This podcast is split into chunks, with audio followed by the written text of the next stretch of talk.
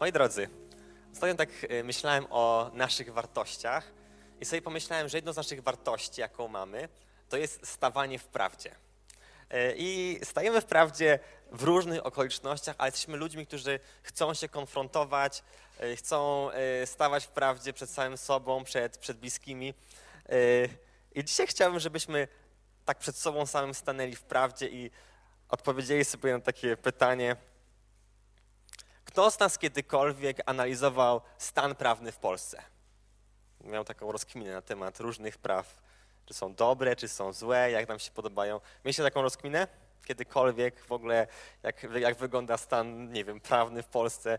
Albo rozkminialiście sobie, co byście zmienili?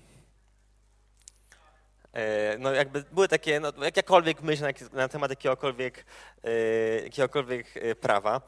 E, Ja ostatnio sobie dużo o tym myślałem, na temat tego, e, jakie prawa mi się podobają, jakie prawa mi się nie podobają, co bym zmienił, co bym nie zmienił.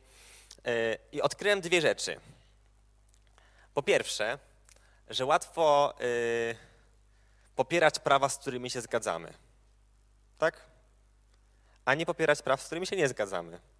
Macie tak? Że, się, że łatwiej się zgodzić z czymś, co czujecie i się z czymś zgadzacie, a ciężej z czymś się nie zgadzacie, tak? I najchętniej byśmy zmieniali rzeczy, z którymi się nie zgadzamy. A popierali rzeczy, z którymi się zgadzamy. No to była taka moja pierwsza rozkmina.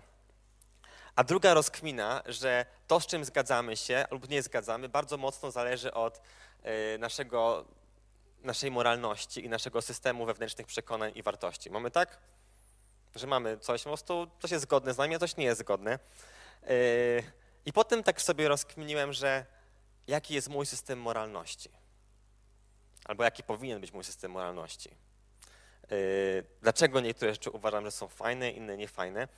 E, I sobie pomyślałem, że jako osoba wierząca mam stosunkowo łatwo. Jakby, bo wiecie, bo jakby tak naprawdę nie tworzę systemu moralności, jedyne co muszę zrobić to przyjąć system moralności, najlepiej taki w oparciu o Biblię i wtedy będzie wszystko zgodne z moim jakby przekonaniem, bo sk- skoro wierzę w Boga, to wierzę w Biblię, skoro wierzę w Biblię, e, to wierzę w prawa, które są zawarte w Biblii i w system moralności, który jest zawarty w Biblii, więc wszystko jest po prostu proste i przejrzyste. Yy, I potem sobie robiłem taki eksperyment myślowy, do którego wszystkich nas zachęcam, ok? Taki eksperyment myślowy. Jakby wyglądał idealny system prawny zgodny z naszymi wartościami? Albo idźmy dalej. Idealny system wartości zgodny z Biblią. Taki wiecie. Taki, więc gdybyśmy każde prawo, które jest w Polsce stosowali do Biblii, no to prawdopodobnie na przykład 10 przykazań mogłoby spokojnie zastąpić konstytucję, prawda? Jakby po co się tam rozwodzić, od razu 10 przykazań. No i w sumie moglibyśmy wymienić wszystkie ustawy i po prostu wprowadzić, yy, słuchajcie, w Biblii są prawa wpisane jakby bardzo prosto, to co gdybyśmy po prostu wprowadzili Stary Testament, tak wiecie, yy, jako urzędowo, żeby po, był to po prostu totalnie wypisany co do joty, to by nam bardzo ułatwiło sprawę, czy nie? Jakby to byłoby, to byłaby taki idealnie, idealny system prawny, w którym w teorii moglibyśmy funkcjonować.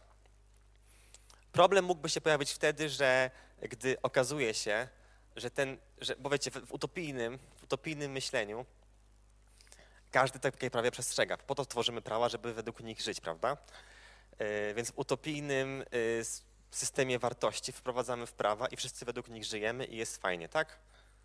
Więc w sumie gdybyśmy tak żyli, no to byśmy z jednego po prostu stryknięciem palca wyeliminowali jakikolwiek grzech, prawda? Jakby skoro jest nie zabijaj, to nikt by nie zabijał, skoro jest nie kradnij, to nikt by nie kradł i wtedy po prostu mamy rozwiązane sprawy, my żyjemy sobie w państwie, y, w świętym państwie, w którym każdy święcie żyje. Y,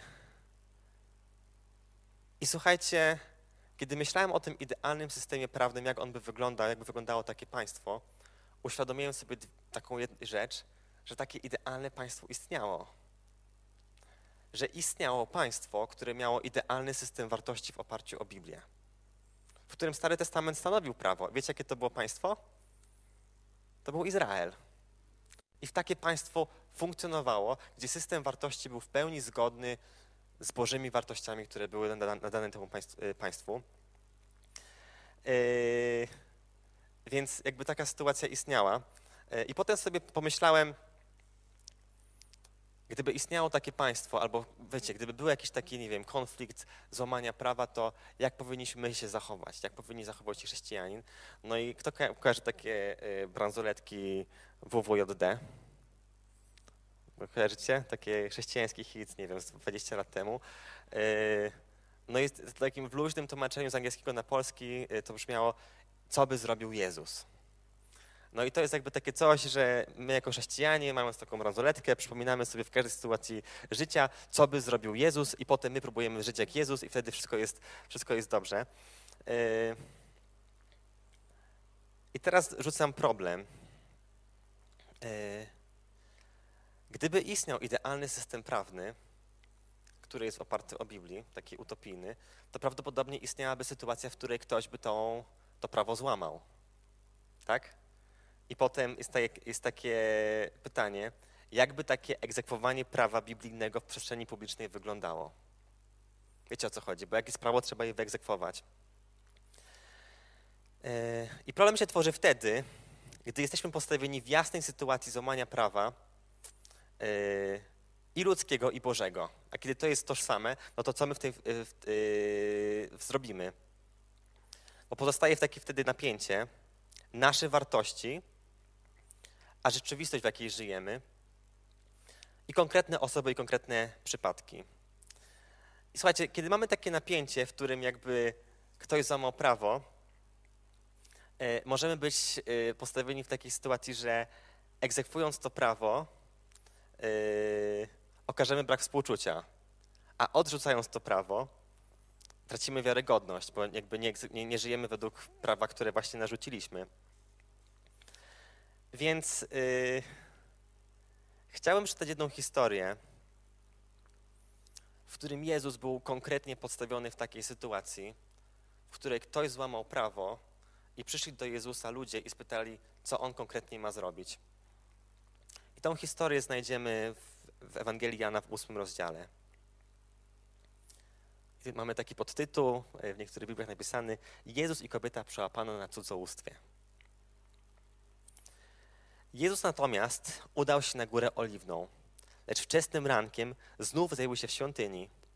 Cały lud zaczął się przy nim gromadzić, a on usiadł i rozpoczął nauczanie. Wtedy znawcy prawa i faryzeusze przyprowadzili kobietę przełapaną na cudzołóstwie. Postawili ją wobec wszystkich i powiedzieli do niego: Nauczycielu, tę kobietę schwytano w chwili, gdy, gdy cudzołożyła. Mojżesz w prawie nakazał nam takie kamienować. A ty co mówisz? Pytali go, pytali o to, by go wystawić na próbę, bo szukali podstawy do oskarżenia go. Jezus zaś schylił się i zaczął pisać palcem po ziemi. A gdy tak nalegali z pytaniem, wyprostował się i powiedział do nich: Kto z was jest bez grzechu, niech pierwszy w nią rzuci kamieniem. Po tych słowach znów się schylił i pisał po ziemi. Gdy to usłyszeli, zaczęli odchodzić jeden po drugim, zaczynając od starszych. W końcu pozostał on sam oraz kobieta stojąca po środku. Wtedy podniósł się i zapytał: Kobieto, gdzie oni są? Nikt nie potępił? Odpowiedziała: Nikt, panie. A Jezus: Ja też się nie potępiam. Idź i odtąd już nie grzesz. Co by zrobił Jezus? I kiedy patrzę na tą historię, to widzę Jezusa, który urodził się w państwie, w którym prawo było zgodne z tym, co Bóg nakazał Mojżeszowi. To było jakby jasne prawo i jakby to był idealny moment, w którym Boże prawo było zgodne z prawem państwa, w którym nie było rozjazdu między tym, co mówi rząd, mówi, mówi, mówi państwo, co jest zapisane w kodeksie prawa, a w tym, co mówi Biblia. Była totalna zgodność. Czajcie w ogóle jakby sytuację? I co by zrobił Jezus, gdy miał dylemat, że ktoś to Boże prawo złamał i jednocześnie złamał prawo państwa?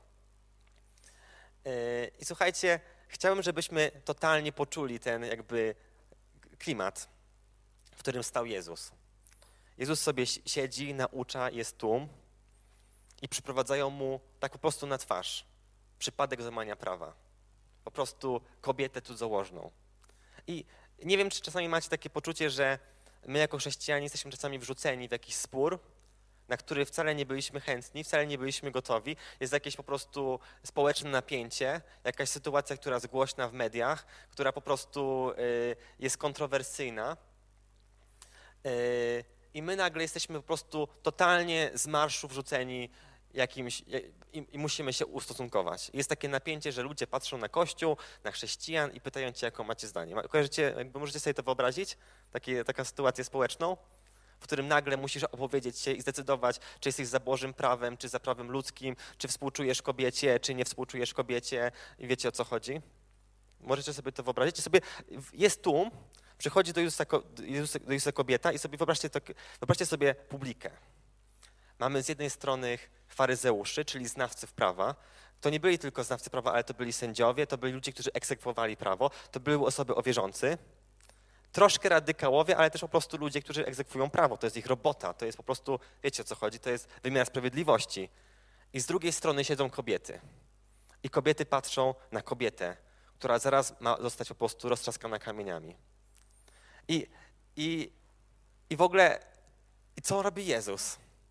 Jeśli ją skaże, to za sekundę będzie publiczne kamienowanie, po prostu kobieta zostanie ukamienowana i po prostu zostanie zabita. I pomyślcie sobie o wszystkich kobietach, które siedziałyby w tej chwili i po prostu widziałyby, jak jedna z nich została ukamienowana. Jakby to, mu, nie wiem, to musiało być po prostu coś, co po prostu umiera na twoich oczach osoba. Jeśli się z tym nie zgodzi, no to wyparł się wartości chrześcijańskich. Mówi, że jest synem Boga, a jak zaprzeczy temu, to gdzie jest jego, gdzie jest jego bycie Bożym Synem. Jeśli się na to nie zgodzi. Z kolejnej strony, jeśli nie podejmie zdania, to zaraz go roz, wiecie, ukamienują. Wiecie, czujecie napięcie? Że cokolwiek zrobicie, to coś się wydarzy, albo rozczarujecie kobiety, albo rozczarujecie chrześcijan, albo y, rozczarujecie rząd, albo wiecie, jakby jest totalne napięcie. Y, pytali go o to, by wystawić go na próbę, bo szukali podstaw do oskarżenia go. I taka moja pierwsza rozkmina to jest napięcia społeczne to czas próby chrześcijan. Że napięcia społeczne i kontrowersyjne czasy to jest czas próby chrześcijan i to jest jakby, często jest takie zdanie, czym to chrześcijaństwo po prostu jest. Czym to, że idziesz za Bogiem po prostu jest. Yy, I taki test musiał przejść Jezus. Więc testy, które my możemy przechodzić, są podobne do tego, co przechodził Jezus. I wtedy jest pytanie, czy iść za prawem, czy za łaską? I tak naprawdę każda odpowiedź jest zła. I sobie tak myślę, że znalezienie odpowiedzi jest sztuką, a nie wyborem między jedną a drugą opcją. Że Jezus, kiedy był postawiony między dwoma skrajnościami, to niekoniecznie wybrał jedną opcję, a niekoniecznie wybrał drugą opcję, tylko podjął wyzwania znaleźć odpowiedzi, która będzie trudniejsza niż to, co było na talerzu. Faryzeusze kazali zabić, napięcie było takie, przecież ty głosisz o miłości, więc puścią. Czajcie? Miał dwie opcje do wyboru i często mam poczucie, że kiedy jest jakiś spór społeczny, to jest taka polaryzacja, że mamy poczucie, że stoimy przed jednym albo drugim wyborem. Że nie ma innego wyboru, tylko albo jesteś chrześcijaninem, i wierzysz w wartości, które Bóg ci powiedział, albo jesteś rebelem, który po prostu w ogóle nie trzyma się swoich wartości i nawołuje do łamania prawa. Bo taki spór miał Jezus. Taką sytuację widzimy w Biblii. Czy ty jesteś osobą, która łamie prawo, czy jesteś osobą, która trzyma się prawa, ale nie okazuje miłości i łaski?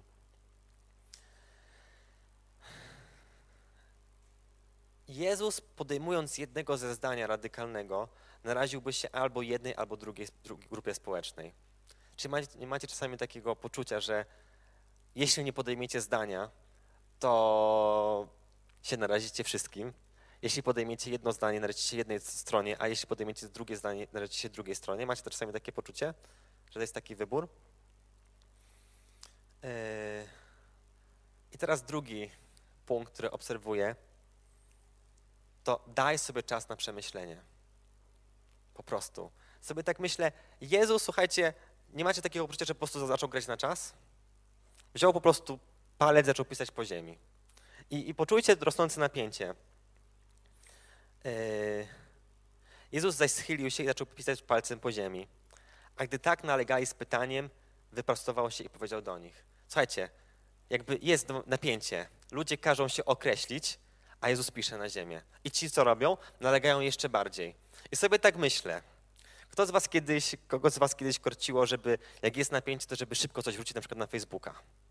Po prostu musicie w tej chwili, tu i teraz się określić. Po prostu to jest ten moment, to jest ta chwila, to jest napięcie i wy teraz określicie się, napiszecie, powiecie, staniecie, wyprostujecie, krzykniecie. Kto ma z was takie czasami ten? Albo widzicie takich ludzi, którzy tak robią. Po prostu wybucha po, po problem i tego samego dnia puf, w internecie nie możesz doskrolować się do czegoś innego, bo każdy się wypowiada.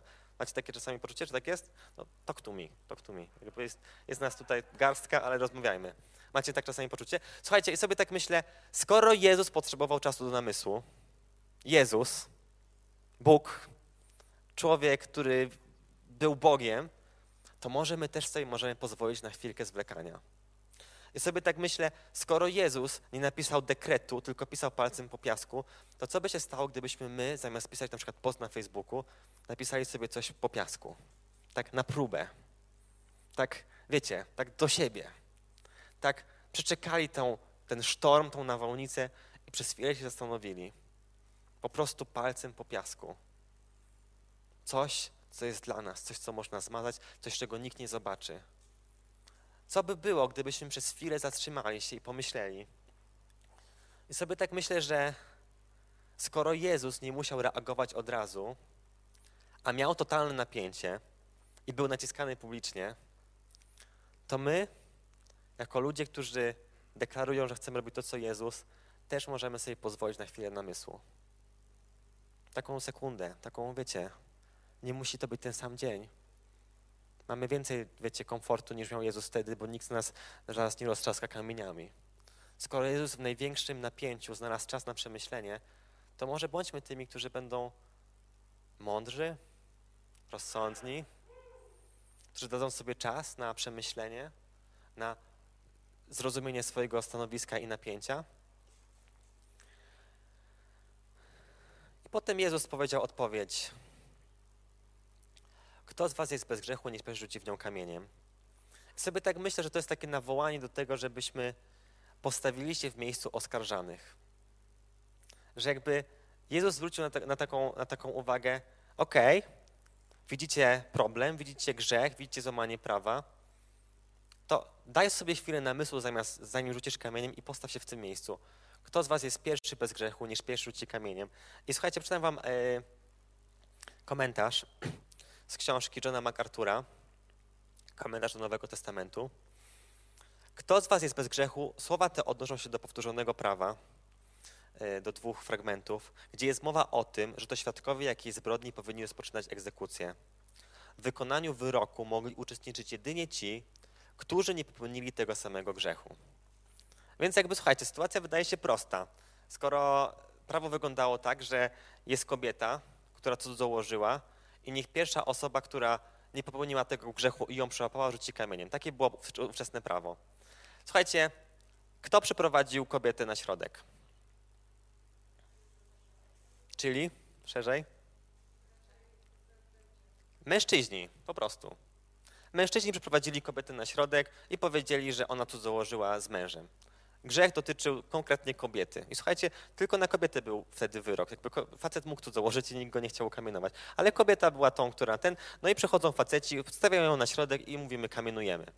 Gdyby to działało ówczesne prawo, no to oni przyłapali, oni tego grzechu nie popełnili, bo popełnić nie mogą.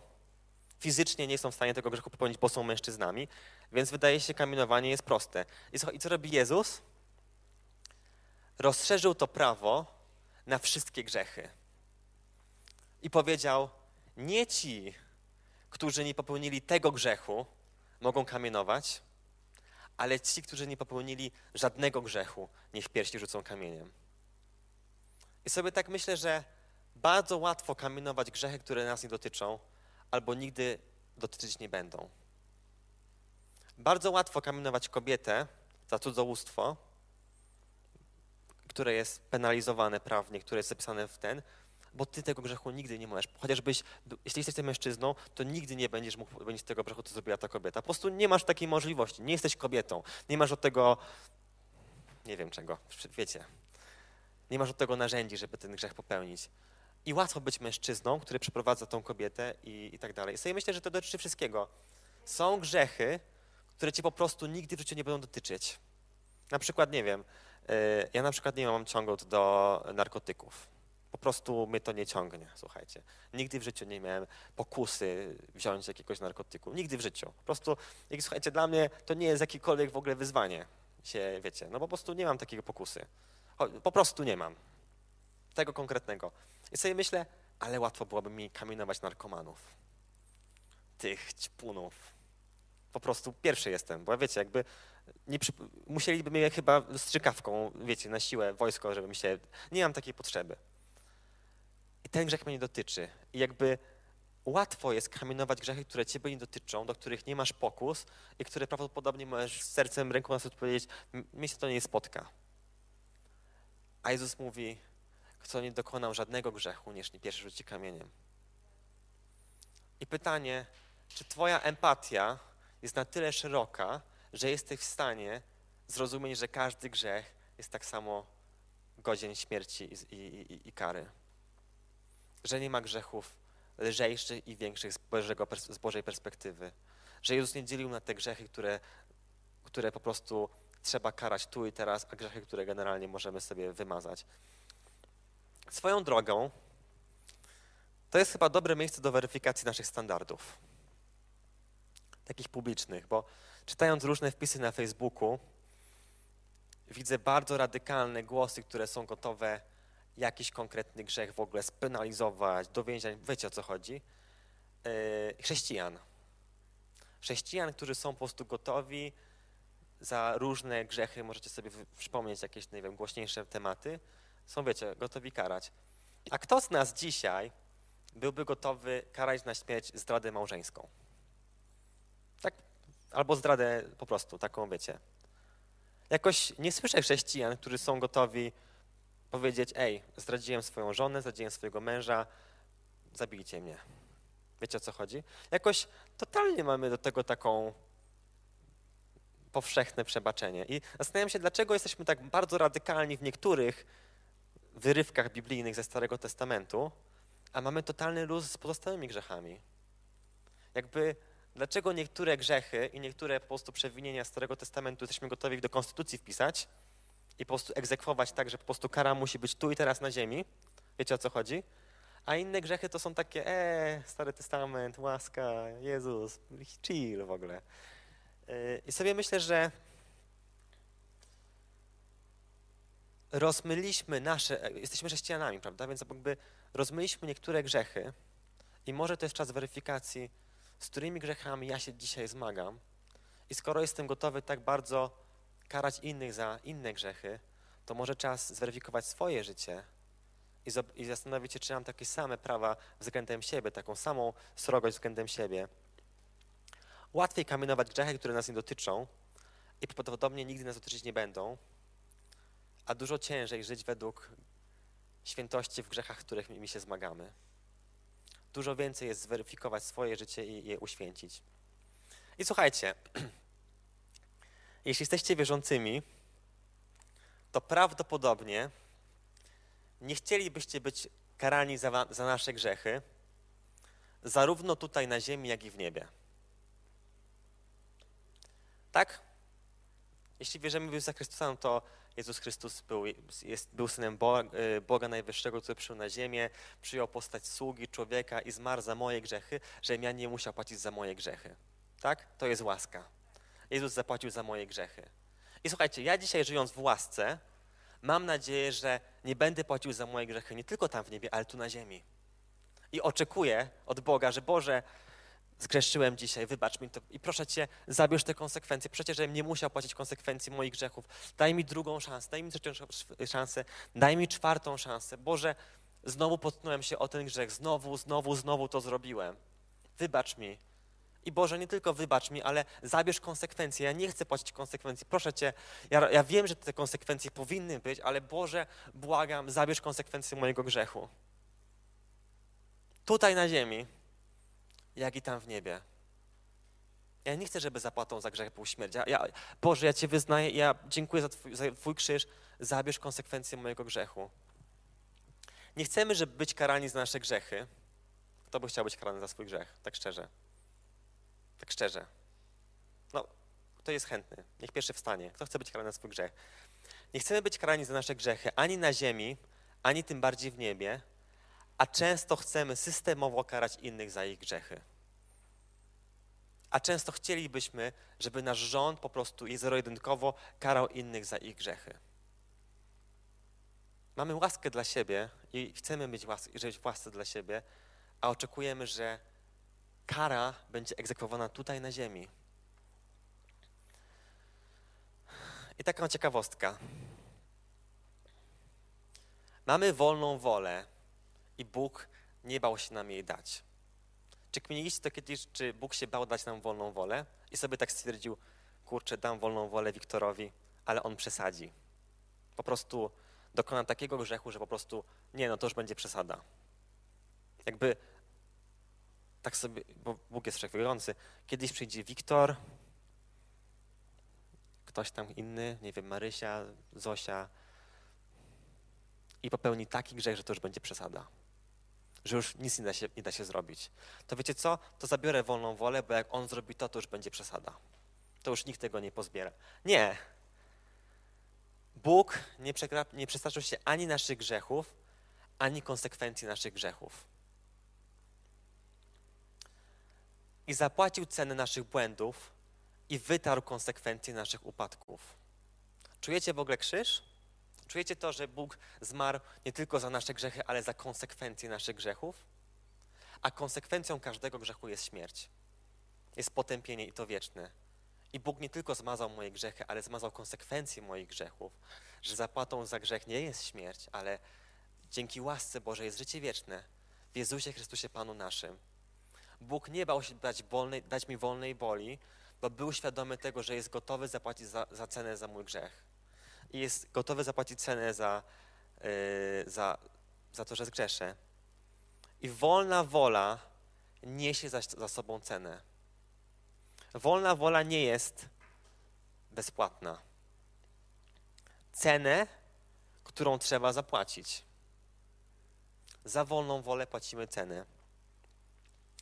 A jednak tak często nie my płacimy konsekwencje naszych grzechów i z radością korzystamy z tego, że Jezus zapłacił je za nas. Czy kiedykolwiek cieszyliście się, że Jezus zapłacił konsekwencje waszych grzechów i macie takie, upiekło mi się, no hit, przesadziłem, ale upiekło mi się znowu. Teraz to już była przesada, a jednak mogę wstać następnego dnia i znowu być po prostu czysty, bo Jezus zapłacił za moje grzechy. Te, które były, są i będą. I mam taką radość, jeju, mam wolną wolę, przesadziłem, ale jeju, Bóg jest dobry, Jego łaska trwa na wieki. Słyszę tyle świadectw ludzi, którzy są złamani, którzy są grzeszni, którzy przesadzili i widzę cuda w ich życiu. I błogosławieństwo im takie, lol, gdzie jest konsekwencja wolnej woli, gdzie jest konsekwencja grzechu? Czemu jej nie widzę? Chciałbym widzieć, ale czemu jej nie widzę? I potem sobie myślę, łaska. Jezus zapłacił za te konsekwencje tego grzechu, tego, tamtego i, i następnego. I skoro Jezus zapłacił za, za, za te grzechy, za tą wolną wolę i się ich nie bał, to czemu ja się boję tego, że ktoś będzie miał wolną wolę i popełni grzech, którego się po prostu nie będzie dało poskładać? Czemu ja chcę ograniczyć, wiecie, mam taką potrzebę, że po prostu nie no, bo przesadzie z tą wolną wolą. I słuchajcie, mam teraz kolejny, kolejny ten. Wiecie, do czego nas zachęca Jezus? Jezus zachęca nas do brania brzemienia bliskich. I słuchajcie, postawa Jezusa zachęca nas do brania konsekwencji czyjegoś grzechu na siebie, nie pytając o powód. Jezus zapłacił za nasze grzechy i zachęca nas do tego, żebyśmy żyli jak Jezus, czyli co robił Jezus? Płacił za grzechy innych. I ciekawe jest to, że Jezus zapłacił za moje grzechy i zachęca nas do tego, że ja był gotowy zapłacić za grzech innej osoby. Łaska to płacenie za nie swoje błędy. Łatwo jest płacić. Jakby, słuchajcie, jaka byłaby w tym, nie wiem, wyjątkowość, gdyby Jezus zapłacił na krzyżu za swoje grzechy? Wiecie, co chodzi? Był grzeszny, popełnił grzech, był po prostu grzeszny jak my wszyscy. i poszedł na krzyż i zapłacił za swoje grzechy. Wiecie, co było cudowne w łasce? Że Jezus, który nie popełnił żadnego grzechu, który był czysty, święty, który był Bogiem, zapłacił za moje i Twoje grzechy. Zapłacił za nie swój grzech. I postawa chrześcijanina to postawa płacenia konsekwencji i bycia odpowiedzią za grzechy i błędy pomimo ich powodów. Co by było, gdybyśmy my byli gotowi zapłacić za czyjś grzech? Zapłacić za czyjąś konsekwencję grzechu, być tą osobą, która będzie pomocą. Może gdybyśmy my płacili za nie swoje błędy, bardziej byśmy zrozumieli łaskę i zrozumieli, ile kosztowała łaska Jezusa Chrystusa. Bo często jest ta dyskusja w Kościele, że, to, że łaska jest tania, że my traktujemy Bożą łaskę tanio, bo nie widzimy ceny, jaką zapłacił. Może dlatego, że my nie płacimy ceny grzechu innych. Może że, dlatego, że jedyną łaskę, którą otrzymujemy z naszego życia, a nie jesteśmy gotowi wziąć brzemię innej osoby i zapłacić za grzech, która ona popełniła. I być w konsekwencjach tego grzechu i robić wszystko, robić wszystko, żeby ponieść to brzemię i zapłacić za to cenę. Łaska nie jest tania. Jezusa kosztowała życie. Ile ty jesteś w stanie zapłacić za okazanie komuś łaski? Ile jesteśmy w stanie zapłacić za okazanie komuś łaski? Jezus kieruje się łaską. Jezus, czyli ten, który mógł potępić, nie potępia. Nie neguje grzechu, ale to, co w Jezusie jest, to jest litość. I reakcją Jezusa była obroną, obrona tej, która zmagała się z grzechem i słabością. Jezus, który był tym, który mógł wyegzekwować prawo, stanął w obronie tej, której zgrzeszyła. Bo dla niego miłość była ważniejsza niż grzech, która popełniła. I to nie była tania łaska, bo on był gotowy zapłacić cenę tego grzechu. To nie jest tak, że on odpuścił i rozeszł się po kościach. Co najmniej nie rozeszło się po kościach Jezusa, bo On zapłacił cenę i oddał za to życie. Za ten konkretny grzech i każdy inny. Więc ta sytuacja to nie była sytuacja, w której po prostu się coś tam, wiecie, rozmyło. O, mieli ukamienować kobietę, Jezus powiedział, niech pierwszy rzuci kamieniem, nikt nie rzucił kamieniem i powiedział, w sumie to ja też się nie potępię, zapomnijmy o sprawie, nie ma sprawy. Tylko Jezus potem poszedł na krzyż i zapłacił za ten konkretny grzech i może kamień nie uderzył w kobietę, ale jego rany zostały przebite, jego ręce i on zapłacił cenę także cierpienia za ten konkretny grzech. I sobie czasami patrzymy na tą historię i sobie myślimy, łatwo poszło. Ach, rozmyło się. Ale Jezus, kiedy powiedział te słowa, i ja cię nie potępiam, idź i odtąd już nie grzesz, był świadomy tego, ile tego będzie kosztowało.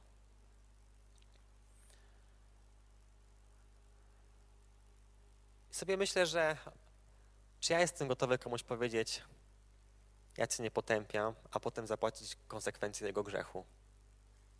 Czy ja jestem gotowy po prostu w tej cenie to, to powiedzieć. I sobie tak myślę, grzech zawsze będzie istniał. Nie da się stworzyć takiego prawa, by ludzie żyjąc zgodnie z nim nie grzeszyli. Ludzie są niestety ludźmi, którzy łamią prawo. Ja jestem też człowiekiem, który łamie prawo, zarówno to pewnie ludzkie, jak i to Boże. Problemem grzechu nie jest brak dobrego prawa, ale ludzka natura. Problemem tego, że ludzie upadają, nie jest to, że nie wiemy, co robić, ale robimy to, co z ciała, a nie to, co z ducha. I słuchajcie,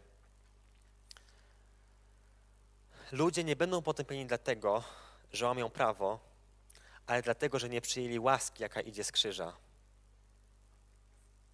Pod koniec życia nie będziemy rozliczeni z tego, że złamaliśmy prawo polskie, europejskie, światowe czy boskie. Ale będziemy dlatego, wiecie, możemy być potępieni, że nie przyjęliśmy Jezusa Chrystusa jako naszego Pana i Zbawcę. Że nie przyjęliśmy tej łaski, która płynęła z krzyża. Prawo bez Boga to śmierć, bo zapłatą za każdy grzech jest śmierć. Penalizacja tego czy tamtego grzechu nie spowoduje większej czy lub mniejszej konsekwencji grzechu. To, że za jakiś grzech zapłacimy w tej chwili tutaj w więzieniu, czy, czy jakimkolwiek innej konsekwencji, że zapłacimy grzywnę, czy cokolwiek, czy nas spotka społeczny ostratyzm, nie spowoduje, że ta cena będzie bardziej lub mniej zapłacona. Jedyną ceną, która jest w stanie dać nam zbawienie, jest cena śmierci Jezusa na krzyżu i Jego zmartwychwstania. Tylko Jezus jest, zapłaci, jest w stanie zapłacić za każdy nasz grzech. Jezus wypełnił prawo, które my tak chętnie narzucamy. I sobie tak myślę, że katastrofą dzisiejszego świata jest to, że na myśl o Bogu widzą religię, a nie Jezusa. I dlaczego tyle ludzi dzisiaj, kiedy myśli o, o Bogu, widzi religię? Kiedy myśli o Bogu, widzi kościoły. Kiedy myśli o grzechu, to widzi chrześcijan, którzy są gotowi kamienować. Dlaczego tak ciężko zrozumieć im łaskę i tak ciężko usłyszeć o Jezusie? Krzyż zawsze był skandalem i dla wierzących, i nie dla wierzących. I sobie tak myślę, że dopiero rozumiejąc nasze złamanie i nasz grzech i przyjmując Jego przebaczenie, możemy mieć wystarczająco skruszone serce, by nieść miłość i wskazywać na krzyż. Bo grzech zawsze będzie łamał i zawsze będzie dramatem. I konsekwencje grzechu zawsze będą masakrą, i zawsze będą łamały serca, i zawsze będą, nie będą dobre, ale będą złe. Bo prawo boskie jest dobre i za nią idzie, idzie dobro. I kiedy jest ono łamane, to po prostu się dzieje krzywda dla ciebie i dla społeczeństwa.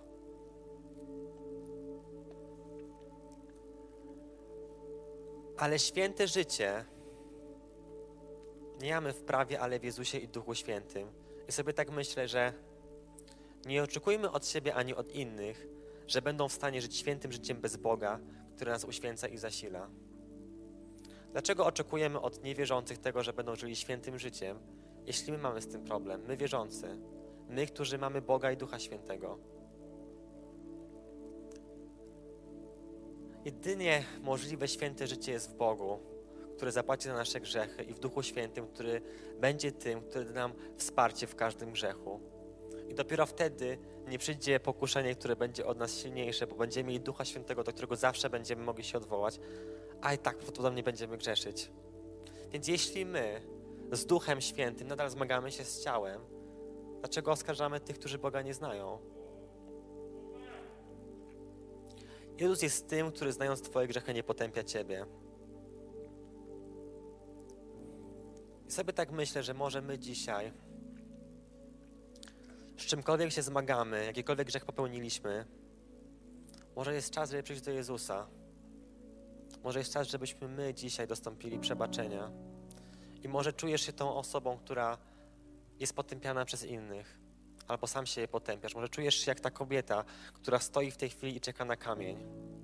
Może czujesz, że po prostu już nie jesteś w stanie wytrzymać z samym sobą, że że czujesz tych faryzeuszy, którzy ciebie oskarżają, bliskich czy dalszych ludzi. Może czujesz teraz, czytając te, te, te artykuły, te wszystkie posty, czy jesteś tą osobą, która po prostu jest złamana przez ten grzech i ty już nie masz wyboru, czy go popełnisz, czy nie popełnisz, bo ty już go popełniłeś i po prostu czujesz, że konsekwencje cię dotykają. I może czujesz jakiś, jakąś lukę, którą próbujesz znaleźć, żeby sobie to uzasadnić. Chcę dzisiaj powiedzieć, że jest osoba, która zapłaciła za twój grzech i za konsekwencje twojego grzechu. To jest Jezus Chrystus. I dzisiaj możesz usłyszeć, ja Cię nie potępiam. Ja dam Ci siłę, żebyś nie grzeszyła więcej. Ja dam Ci siłę, żebyś nie grzeszył więcej. Ja dam Ci siłę, żeby Twoje ciało, Twoje życie było na nowo, odnowione. I dam Ci łaskę i błogosławieństwo, pomimo Twojego życia i pomimo Twojego grzechu. Ja Cię odnowię, bo, bo zapłaciłem cenę. I to nie jest tania łaska. To jest łaska, która kosztowała mnie życie. Jezus nie tylko odpuszcza Tobie, ale chce stanąć z Tobą, gdy oskarżają Cię inni. Bo Chrystus wziął na krzyż i grzech, i wstyd, i konsekwencje, Twoje i moje. Jeśli czujesz, że lecą Cię na Ciebie kamienie i czujesz, jak cały świat wystawił Cię na środek, to Bóg jest po Twojej stronie i On Cię nie potępia. Wolność od grzechu to wolność i od zniewolenia, i od potępienia. I dzisiaj możemy żyć w wolności i korzystać z możliwości niegrzeszenia. Słuchajcie, możliwość niegrzeszenia jest łaską. To jest łaską, którą mamy w Duchu Świętym. To jest przywilej, że my możemy nie grzeszyć, słuchajcie. To jest przywilej. To jest przywilej, który dotyczy tych, którzy dostąpili łaski zbawienia. To jest przywilej, że Ty możesz mieć siłę, żeby nie grzeszyć. Żyjmy w wolności, korzystajmy z możliwości niegrzeszenia, a Duch Święty będzie z nami i pomoże nam przejść przez każde pokuszenie. Zaraz będziemy się modlić. Chciałbym się modlić o to, żebyśmy dzisiaj każdy z nas mógł przyjść pod krzyż i wyznać swoje grzechy i dostąpić łaski i przebaczenia.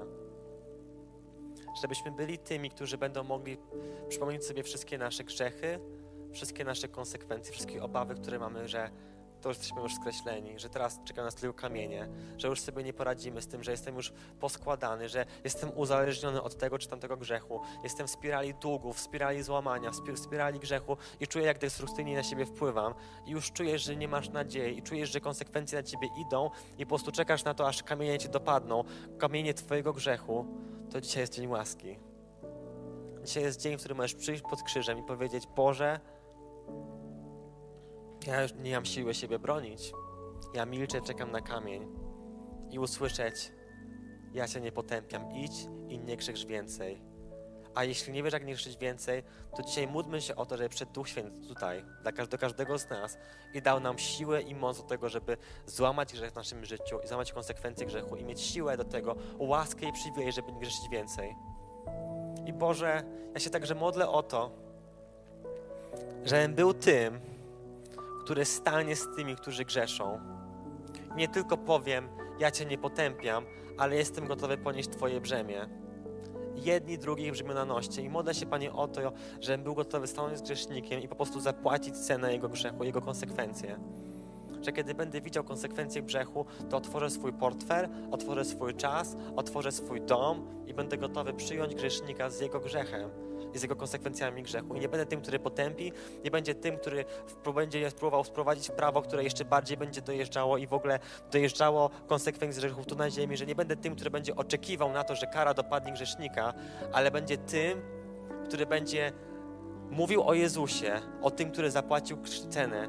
Ja, jestem, ja chcę być tą osobą, która będzie zachwycona cudem przebaczenia która będzie zachwycona Jezusem Chrystusem, który po prostu odpuszcza grzechy. Nie będę się zastanawiał, dlaczego grzech nie dopadł grzesznika, ale będę zachwycony tym, że Bóg przyszedł i, wy, i wybaczył. Będę zachwycony łaską. I modlę się, Boże, o to, żebym nie bał się wolnej woli, ale wskazywał na tego, który daje moc, żeby każdą myśl oddawać Chrystusowi że będę gotowy zmieniać swoje życie, bo Duch Święty będzie mi prowadził i będę miał moc do tego, żeby doświadczać łaski świętego życia, bo w świętym życiu idzie wolność. W posłuszeństwie idzie wolność, w posłuszeństwie idzie błogosławieństwo i po prostu idzie, idą cuda. I ja nie chcę żyć dlatego, że się boję, że, że dopada mnie prawo, ale dlatego, że dopada mi łaska że dopada mi łaska życia świętego życia, że dopada mi łaska posłuszeństwa i mam siłę do tego w Duchu Świętym, żeby żyć życiem, które będzie świadectwem Bożej dobroci w moim życiu. Boże, modlę się o to, żebyś odpuścił moje grzechy. Boże, modlę się, żebyś odpuścił każdemu z nas grzechy. Boże, modlę się, Panie, żebyśmy doświadczyli cudu krzyża i zrozumieli to, że Ty jesteś Bogiem, który zapłacił za mój grzech i za moje konsekwencje i byli tymi, którzy w każdych okolicznościach kiedy, kiedy Kościół jest stawiany na środek i czekany jest na nasze zdanie, to my nie będziemy tymi, którzy będą potępiać, a będą wskazywali na Jezusa. Bo tragedią dzisiejszego świata jest to, że ludzie myśląc o Bogu nie widzą Jezusa. Widząc o chrześcijaństwie, widzą religię, a nie Boga. Bądźmy tymi, którzy głoszą Jezusa, który zmarł i zmartwychwstał za moje i Twoje grzechy. Chodźcie, powstaniemy. Po, jeszcze raz uwielbimy Boga i podziękujemy Bogu. Boże, dziękuję Ci za moje przebaczenie. Niech ta pieśń uwielbienia będzie tym, co, co uwolni mnie i przyniesie cuda w moje życie. Oddaję Tobie chwałę, Boże. Dzięki Ci za Twoją łaskę. Amen.